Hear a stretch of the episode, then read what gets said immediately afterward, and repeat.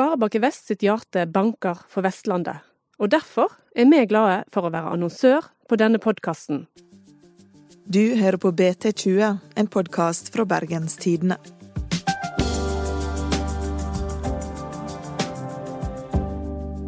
Vi er helt på tampen av 2018, og i dag skal vi ta et blikk tilbake på de viktigste sakene i året som gikk.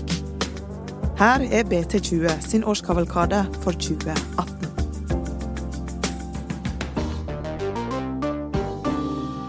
Mitt navn er Ingvild Nave.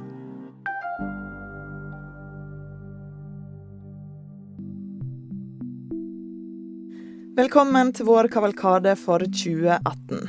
Året som har femna om hetebølger, mye politisk drama og så klart Per og Bahareh.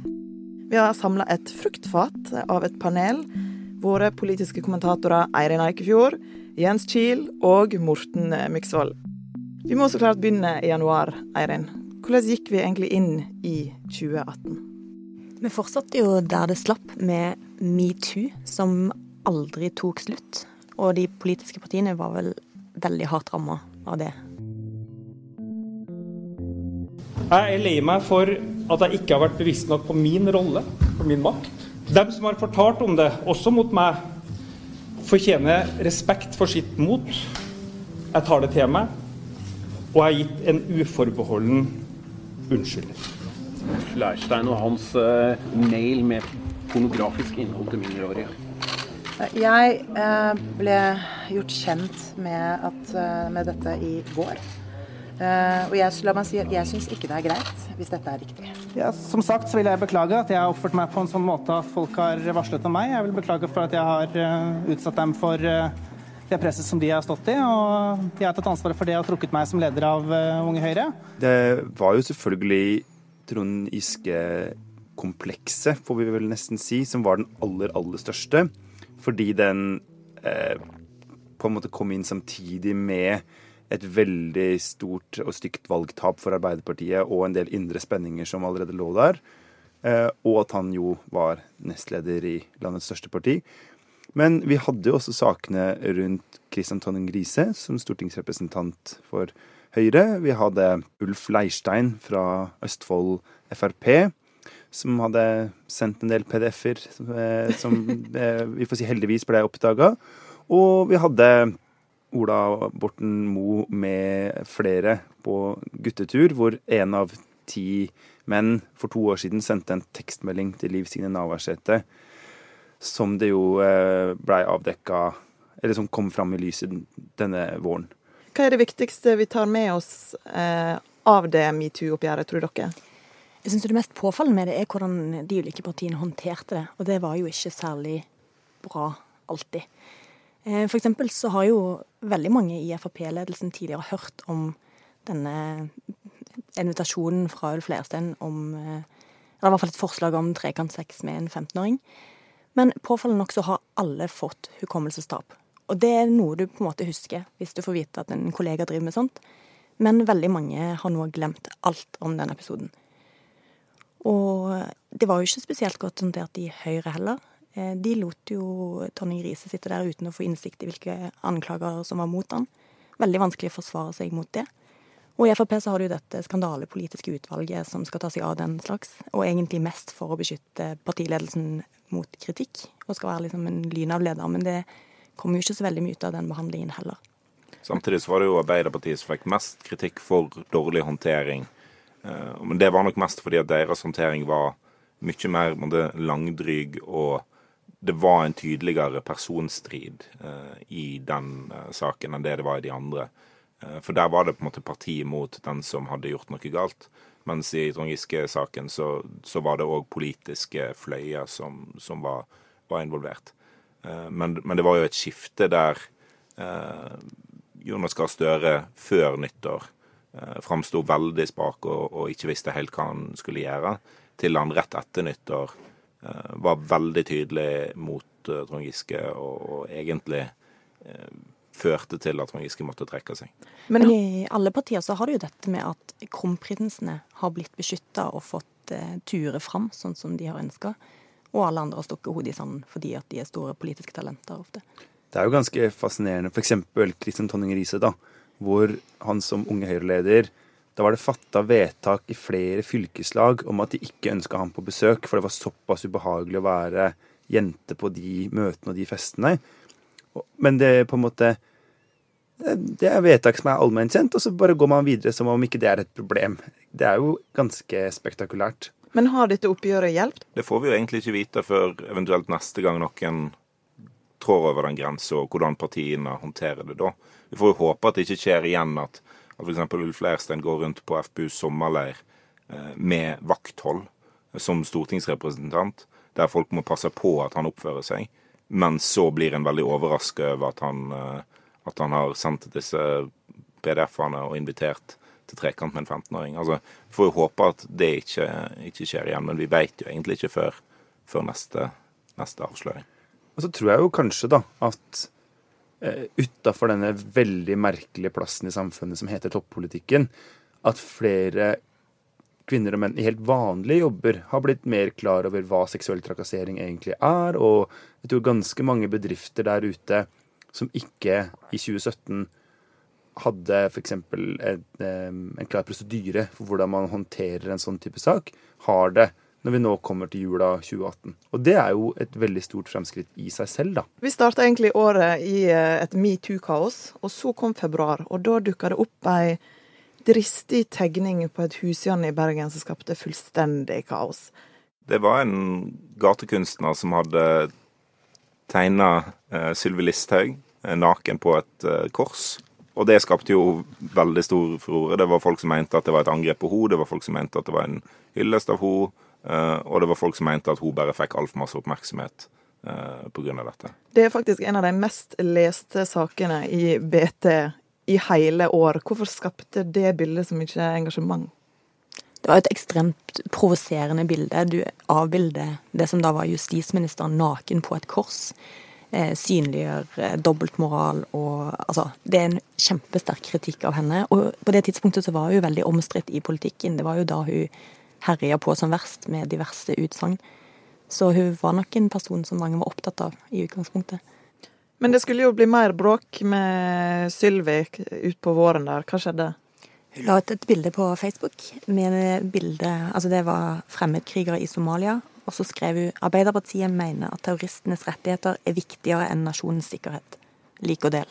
Reaksjonene hadde jo begynt å komme allerede før, for hun var ikke den første som gjorde denne koblingen. Eh, Jon Helgheim, som var innvandringspolitisk talsperson for, for Frp da, eh, la ut dette bildet på forhånd.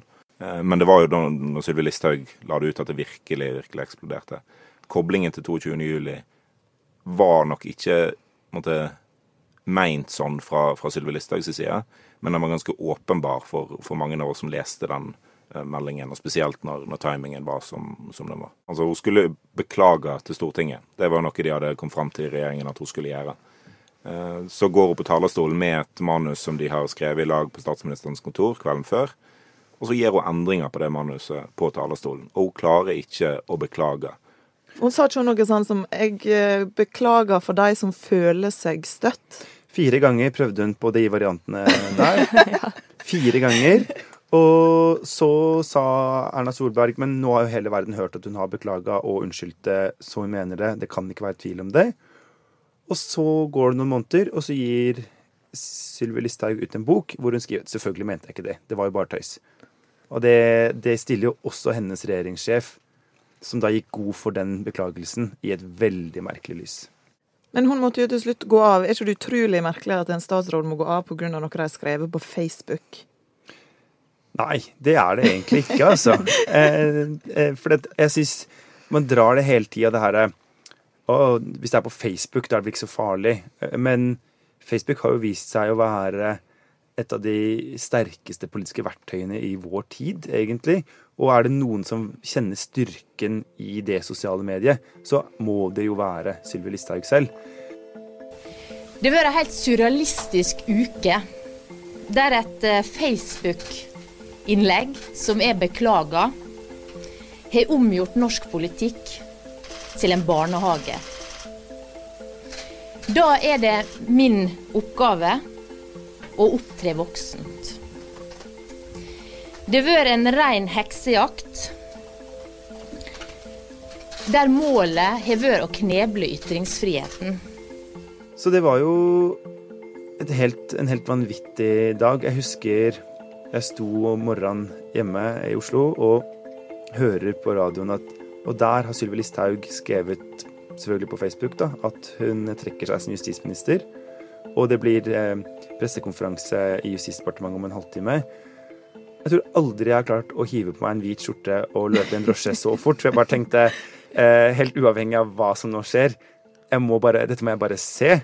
Og så høre denne helt denne spektakulære pressekonferansen der oppe hvor hun kaller norsk politikk en barnehage og forteller at Jonas Gahr Støre som statsminister vil være en katastrofe for Norge. Som jo er en ganske heftig ting å si. Eh, og så videre. Det, ja, det var, var litt av en dag. Og i hvert fall historien sånn som det er til nå, er at det var Sylvi Listhaug selv som, som bestemte seg for at dette er måten å gjøre det på. Og så har hun etterpå sagt at det beste jeg har gjort, var å gå av som statsråd, og det var så deilig å bli fri og sånn. Det syns jeg virker veldig rart. Men eh, jeg har jo heller ikke noen grunn til å si at det er feil. Jeg bare tenker at i valget mellom å være en av Norges mektigste statsråder og være et menig medlem i helsekomiteen på Stortinget, så hvis du vil ha makt, så veit jeg hva jeg ville valgt. Var det den villeste dagen i norsk politikk i år? Det var jo en dag i Arendal som kanskje kan konkurrere. Takk. Da tar vi godt imot Per Sandberg og Berit Leknes. Jeg er ekte, Per er ekte, og kjærligheten er ekte.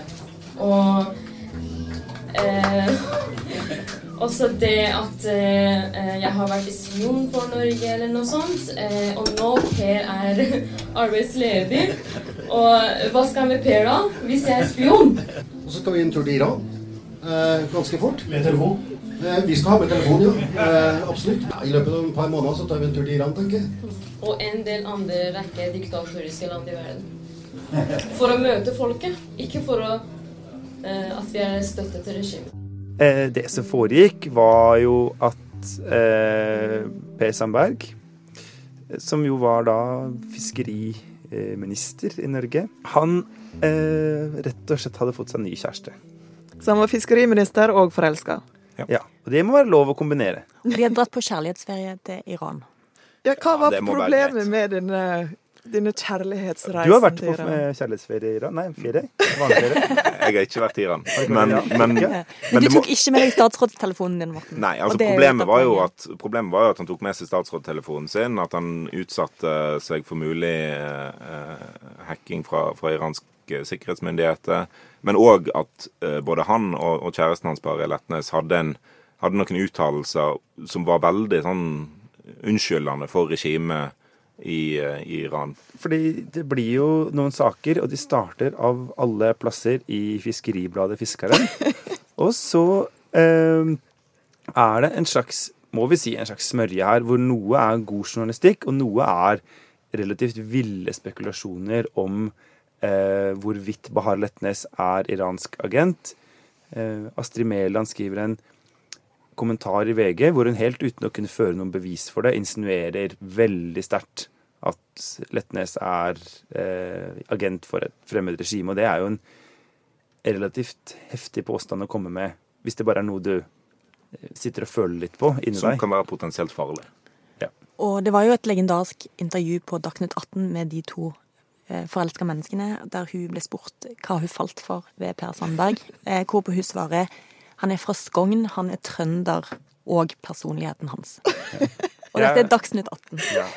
Altså, jeg er jo halvt trønder, så jeg er ikke, jeg er ikke uenig i Letnes her, men uh, likevel, ja. Men det, så kommer jo da denne her store dagen i Arendal. Dere var jo der. Kan dere bare beskrive hvordan det var? Hva skulle skje? Vi visste jo ikke. Altså, det, var, det var snakk om at Per Sandberg og Bare Letnes var på vei til, eh, til Arendal. Eh, men, men de, skulle ha en pressekonferanse, men vi begynte å rekne ut liksom, kjøredistanse fra Oslo og sånt. Når kan de egentlig dukke opp? Og, altså, vi fikk jo ingen informasjon.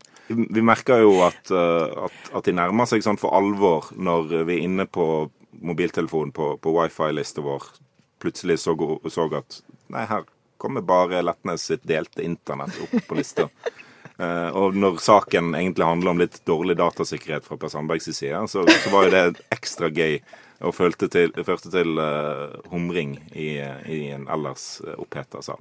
Det var så kaotisk.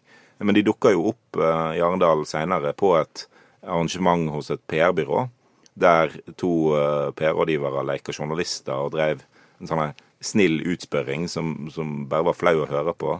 Og det var jo ikke et stolt medieøyeblikk for landets kommentatorer og journalister heller, når vi satt liksom, tromma sammen i en veldig liten, klam pub i timevis nesten og venta på at disse to skulle komme. Gikk jo derifra og følte oss litt brukt. Ja, veldig. Ja, og, og, men altså, NRK, da, som overfører direkte eh, André Kolve koseprater med sin tidligere sjef på et PR-byråarrangement. Ja, Det var jo helt rart. Når dere satt der inne, hva gikk gjennom hodet deres da?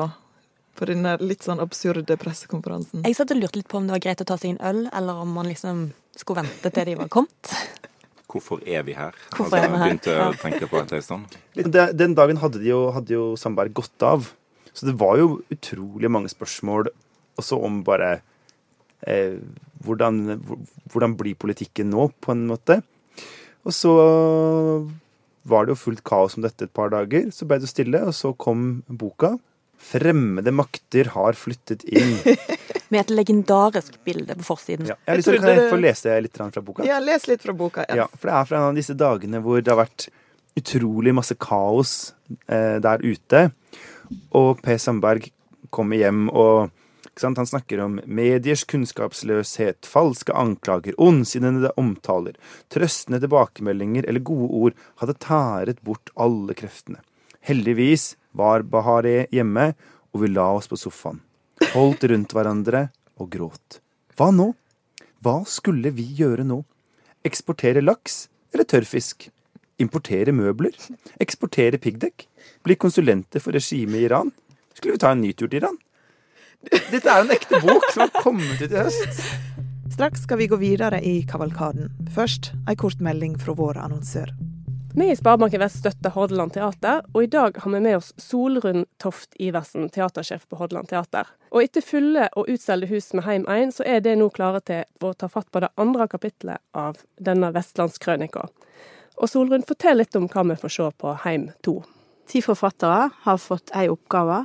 De skal tenke på ordet heim og de skal være helt spesifikke, finne seg én plass i Hordaland fylke og fortelle hva dato i årene mellom 1975 og 85 de skriver om. Og det til sammen blir da fortellingen om hordalendingene. Hvem vi var, og kanskje kan det si noe om hvem vi er i dag, og hvor vi er på vei òg. Kan du fortelle litt mer om hvem forfatterne og skuespillerne som er med? Av forfatterne kan jeg annet nevne at uh, Tore Renberg og Ruth Lillegraven og Gunnar Staalesen er nye med oss på laget i år. Samtidig har vi folk som for eksempel Marit Eikemo, Finn Tokvam og Frode Grytten og Bjørn Sortland med oss fremdeles. Og så har jeg Mari Hesjedal fra Voss og Ingrid Jørgensen fra Haugesund. Det er vestlendinger dette her, hele gjengen, og det er jo så mange gode folk å ta av at det har nesten vært vanskelig å velge. Og billetter og mer informasjon, hvor får en tak i det? Det får en på hjemmesida vår, hordalandteater.no. Det var en melding fra annonsøren vår. Nå går vi videre i podden. Så Arendal det var nummer én i norsk politikk, og eh, den dagen gikk var nummer tre. Men vi mangler jo en andreplass. Hva er denne dagen? Det må være KrFs landsmøte i høst, der de skulle bestemme seg for om de skulle samarbeide med høyresida eller venstresida i norsk politikk. Eller fortsette i opposisjon. Ja, eller fortsette i opposisjon. Det var et, det var et realternativ. bare for å gjøre det enda enklere for de uh, delegatene som skulle møtes på Gardermoen. Det begynte jo noen uker før med et landsstyremøte der, eh, der eh, Knut Arild Hareide holdt en tale der han skulle presentere sitt syn. Der han brukte vel nesten en time på å bygge opp eh, til poenget sitt. Nemlig hvor han skulle råde partiet til å, å søke samarbeid.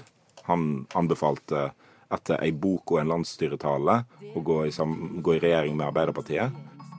Og mitt råd til dere er at nå er det tid for å undersøke muligheten for hva for politisk gjennomslag det er mulig å få gjennom et samarbeid med KrF, Senterpartiet og Arbeiderpartiet uten SV.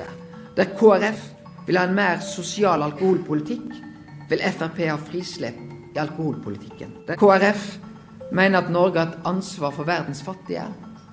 Vil Frp kutte milliarder i bistanden, der KrF kjemper kampen for søndagen, er Frp for at hviledagen skal bli en normal dag med full shopping. De to nestlederne hans sa umiddelbart etterpå at det var de imot. Eh, Og det var allerede da klart at her kommer det til å bli en heftig kamp fram mot eh, landsmøtet. I det som er en av Norges største partiorganisasjoner, eh, så ble det liksom medlemsmøte, lokallagsårsmøte, fylkesårsmøte over hele landet. Og folk satt jo klistra til skjermen og så eh, Telemark KrF minutt for minutt. Jeg var på KrF kvinners landsmøte. Altså, Jeg satte meg i bilen seks om morgenen på en lørdag for å kjøre til Skei i Jølster for å få med meg Sogn og Fjordane årsmøte i KrF. Det Jeg er ikke sikker jeg kommer til å gjøre det hvert år. Altså, for det, dette er jo et parti som da ligger på vippen. Sånn at de Hvilken vei de peker, bestemmer hvem i Norge som sitter i regjering. Og det er jo det som gjorde det så intenst spennende, til tross for at det er jo et parti på 4,2% omtrent. Hvorfor er det sånn at et sånt bitte lite minigjengparti kan styre så masse? Egentlig fordi at de to store partiene eh, vil høre til hver sin blokk. Altså Den dagen Høyre og Ap sier vi liker ikke småpartier, nå styrer vi sammen, eh, så er det jo helt uvesentlig hva f.eks. KrF eller Venstre måtte mene. Men så lenge de sier at de er hverandres hovedfiender, så vil jo det gi plassen for at små partier kan få enormt mye makt. Eh, blir det regjering med KrF nå, eller hva skjer? Nå er sonderingene avslutta, som er en sånn første runde i forhandlinger, egentlig. Og når, når de er ferdig, eh, så hvis alle partiene er enige om å gå videre, så blir det jo reelle forhandlinger som kan føre til en utvida regjering i, i januar. Eh, akkurat sånn som da Venstre gikk inn i regjering i januar i år. Så KrF det kan bli en del av neste års kavalkade òg, det, egentlig? Ja, det er fare for det. Det er fare for det, altså. Vi skal ta en liten pause fra politikken. For det, vi hadde jo faktisk heterekord i eh, sommer. Det var fryktelig varmt. Hvordan forholdt dere til det? Jeg begynte å savne regnet. Altså, jeg begynte å tenke på alt regnet gjør for oss. Vi bare klager over liksom, at det er vått og kaldt og surt når vi går ut, og det, det regner jo en del i denne byen. Men jeg tok meg sjøl i å, å savne regnet, tenke på at altså, det, jo, altså, det gir jo liv. Det gir jo mat. Det gir så masse. Og den sommeren var vi helt uten. Altså For bønder var jo det en katastrofesommer. Uh, avlinger gikk tapt. Dyr, uh, de frykta at dyrene måtte slaktes pga. manglende mat. Uh, mens tror de aller fleste bare koste seg fordi det var mulig å uh, være ute.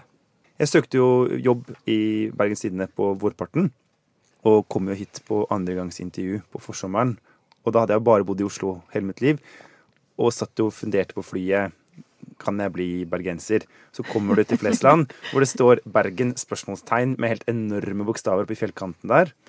Satte meg på Bybanen innover, og ikke sant eh, Det var sånn prideflagg på Bybanen, og det var helt sånn tullete fint vær i Bergen. Og alle blomsterbed sto bare strutta, og alle fontenene var skrudd på de elleve på jeg vet ikke, fontenometeret. Eh, og tenkte ja, her kan jeg faktisk eh, bo. Og så begynner jeg eh, når sommeren er slutt, for det tar jo alltid noen litt tid før du begynner en ny jobb. Og da slår vi regnrekorden fra 1892. Men du angrer ikke på at du kom hit? Her? Nei da. For å ta en veldig smooth overgang, så har det òg vært veldig høy temperatur i bompengedebatten i år. Hva er det med bompenger som gjør at folk blir så sinte? Det koster jo veldig masse penger, da. Det, det koster en god del å, å kjøre bil. Eh, Det mener jeg er rett og rimelig at, at en betaler for både veiene en bruker og, og utslippene en fører til. Men det er jo en, er en inngripende lommebok til folk, og, og det er klart at det blir bare mer bompenger. BT har nå gått gjennom at i snitt vil hver bilist i, i Hordaland bruke 200 000 kroner de neste ti årene på, på bompenger. Det kommer nye bomstasjoner både i Bergen, men òg i, i området rundt. Eh, Så belastningen blir jo bare høyere og høyere. Og nå eh, må til og med elbiler betale bompenger. Så det er liksom vanskelig å slippe unna hvis en da ikke selvfølgelig tar buss eller bybane, går eller sykler. Men bompenger er jo alltid kontroversielt. Hva var det som var så spesielt i år? En av tingene som, har, eh, som jo har gitt en voldsom motstand, er jo at så stor andel av bompengene går til kollektivprosjekter, og at det er stor misnøye i en del områder med, med hvordan eh, pengene er fordelt. da. Sånn at mange tenker at de blir sittende igjen med ingenting for å betale eh, ganske store beløp eh, til bompengene. En ser jo veldig mange penger gå fra bilister til kollektivpassasjerer. Og det har jo gjort at eh, lastebilsjåfører, andre yrkessjåfører, eh, bilister har samla seg i ulike aksjonsgrupper. Det er ei liste som stiller til bystyret neste år som en folkeaksjon mot bompenger. Det er nok er nok-aksjon. De har lamma byen ved flere anledninger.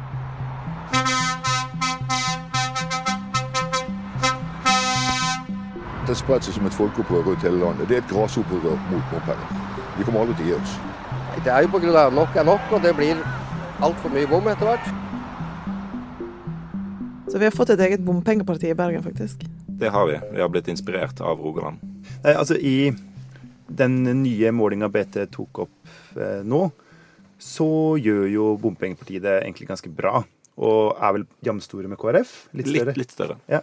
Og i noen bydeler så er det vel jamstore med SV. Så de kan faktisk komme inn i bystyret hvis de klarer å holde seg? Ja, De hadde 3% på den målingen vi ga ut på onsdag. Oi!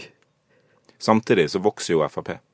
Eh, Så det er jo en bompengemotstand, spesielt på høyresida i, i bergenspolitikken. Så det kan bli en av de skikkelig store valgsakene i Bergen, rett og slett?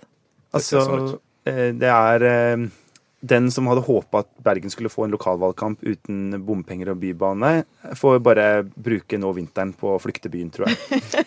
Når jeg sier navnet Helge Ingstad, hva tenker dere på da? Da tenker jeg på han som eh, fant vikingbosetningen på Vinland. Men det tror jeg ikke vestlendinger flest tenker på etter denne høsten. God dag. Eh, Som dere vet, klokken eh, 04.03 i dag så var det en kollisjon mellom fregatten Helge Ingstad og tankfartøyet TS Sola i Hjeltefjorden rett utenfor eh, Stureterminalen i Øygarden. Jeg våkner av et ekstremt høyt smell. Etterfulgt av eh, masse risting og eh, at jeg kan høre at skroget skraper inntil dem. Og lyden kommer nærmere. Dekket over oss er ikke-eksisterende, og lugaren er ugjenkjennelig. Vi har blitt åpnet opp som en makrellboks, nærmest. Ting har bare blitt revet bort, pressa sammen, dyttet, revet i stykker. KNM Ingstad, en eh, fregatt i Kongelig norske marinen, var på vei sørover etter, etter Nato-øvelse eh, Trident Juncture. De kjørte uten eh, tilsynelatende uten hjelpemiddel, eh, og så ikke eh, Sola TS som, som kom mot de ut fra eh, Stureterminalen eh, før det var for seint. Det er jo dette, er det de øyeblikkene der man bare Hva har skjedd? Og denne her, eh, dette tankskipet er jo ikke en bitte liten båt. Altså, det er jo en gigantisk eh, sak. Som man skulle 250 meter. Man skulle kunne klare å få øye på det eh, og svinge unna. Men Veit vi hva som har skjedd? Hva vet vi egentlig? Havarikommisjonen har kommet med, med første rapport som, som tyder på at det var forvirring, eh, i, i hvert fall på brua. Eh, der en eh, ikke helt visste hva, eh, hva som kom mot en, om det kom et skip mot det, og hva skip som egentlig var i, i leia der. Det, det skulle en jo tro var eh, relativt enkelt for, eh, for folk på, på et marinefartøy å, å finne ut av. Men de har gjort det bevisst vanskeligere for seg sjøl ved å, å være på trening, kan det se ut som. En fin lærdom å ta med inn i sitt eget liv, da, er jo der at jeg tror vi alle har eh, gode morgener, og vi har dårlige morgener. Men ingen av oss har brukte fire milliarder før frokostmorgener. Og det er jo litt fint å tenke på. Og så er det jo blitt en ny måleenhet i norsk politikk. Altså, Hvor mye koster det? En halv fregatt? En hel fregatt?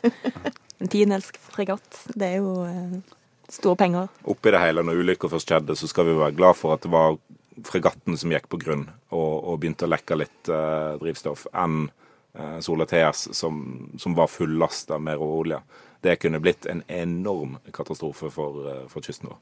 Nå har vi jo fått en viss oversikt over hva som har vært de store sakene i år. Er det noe vi har glemt, som dere kan komme på nå? Altså, vi har jo diskutert litt eh, hva som har skjedd i utlandet, og bare tenkt at det er stort sett klin kokos over hele linja. Brexit er klin kokos, USA er klin kokos. Brasil har en gal president. Filippinene har en annen gal president. Er verden mer ko-ko i 2018 enn i 2017? Ja, det går nok i den retningen, ja. Altså Til og med Sverige har ikke klart å få ny regjering. De Nei. pleier jo å være Hvor lenge har de vært uten nå? Nei, siden september. september? Ja, det var valg i september. Så vi, vårt, eh, vårt inntrykk er at eh, kokometeret måler litt høyere i 2018 enn i 2017 på utenriks. Bra analyse. Hva er der eh, Takk, vi er jo kommentatorer, så vi er ansatt for å gi ekstremt gode analyser. Men i løpet av 2018, har dere et sånt øyeblikk som dere alltid kommer til å huske? I hvert fall i lang tid fremover. Det, de bildene av KNM Mingstad som lå eh, og, og krenga i, i fjorden, og små taubåter som drev og krasja inn i fregatten for å prøve å liksom dytte han opp på et skjær opp mot land for å, for å redde skipet. Eh, Det var veldig fascinerende. Når du spiller det klippet litt fort, eh, så, så ser det veldig komisk ut, men det viser hvor alvorlig den, eh, den, det forliset var. Men den vanvittig raske responsen eh, som kom, og, og hva kreative metoder de brukte. Det er et klipp jeg kommer til å se oppi hodet mitt og på skjermen min ganske mange ganger fremover. Du da, Jens? Nei, da Kongen i statsråd godkjente at Høgskolen i Oslo og Akershus kunne få det fengende, flotte navnet Oslo MET med stor M, tankestrek, Storbyuniversitetet. Da tenkte jeg nei, på Østlandet kan jeg ikke bo lenger. Hva var ditt store øyeblikk i år, Eirin? I hvert fall et øyeblikk som jeg syns oppsummerer året veldig godt. Og det var 17. januar, da Norge fikk ny regjering. Tre kvinnelige partiledere marsjerer ut på Slottsplassen. Historisk øyeblikk. Men alle drit i det. Alle er mest opptatt av alle sexskandalene som har rammet disse partiene. Kornåker-gate, eh, PDF-gate, Tonning Riise-gate. Og det var egentlig alt som ble snakket om på den pressekonferansen. Hvor mange- Og hvor mange blomster Trine Skei Grande hadde kontra Siv Jensen og Erna Solberg. Trine Skei Grande var nedlessa i bukettet. Det var faktisk hele vår 2018-kavalkade. Tusen takk for at dere tre kunne komme. Det var ukas episode. Nå skal vi ta en liten juleferie, men både jeg og produsent Henrik Svanevik er tilbake rett over nyttår. God jul og godt nyttår fra alle oss i BT. Mitt navn er Ingvild Nave.